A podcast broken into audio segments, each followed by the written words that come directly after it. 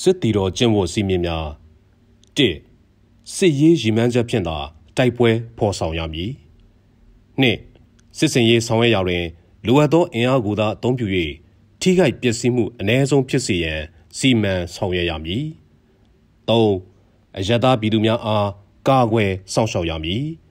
အယက်သားပြည်သူပိုင်ဥစ္စာပစ္စည်းများကို ထိပါခြင်းမပြုရ၄ဘာသာရေးအဆောက်အအုံများနှင့်ယဉ်ကျေးမှုမွေးနေ့များကို လေးစားတံမိုးထားရမည်ငါလက်နက်ကိုင်ပိဋိပခဆိုင်ရာဥပဒေသားများကို ဖောက်ဖျက်ကျူးလွန်ခြင်းမပြုရ6ခေါင်းဆောင်များသည်စန္ဒမူနာပြခေါင်းဆောင်မှုကိုပြ၍လက်အောက်ငယ်သားများအပေါ်ကြောသားရင်သားမခွဲကြဘဲတရားမျှတစွာကုကဲအုပ်ချုပ်ရမည်ခုနှစ်အထက်ကုကဲမှုအစဉ်စဉ်မှ ပေးအပ်သောအမိန့်နှင့်တာဝန်များကို လေးစားလိုက်နာရမည်ရှစ် တပ်ဖွဲ့ဝင်အချင်းချင်းရဲဘော်ရဲဘက်စိတ်ဖြင့်ပူးပေါင်းဆောင်ရွက်ရမည်ကိုလူမျိုးပါတာကြားမှလိန်စိတ်ခံယူချက်ကွဲပြားမှုအပေါ်မူတည်၍ခွဲခြားဆက်ဆံမှုမပြုရ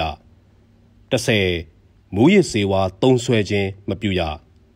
17လူမှုရေးရှုပ်ထွေးခြင်းမပြုရ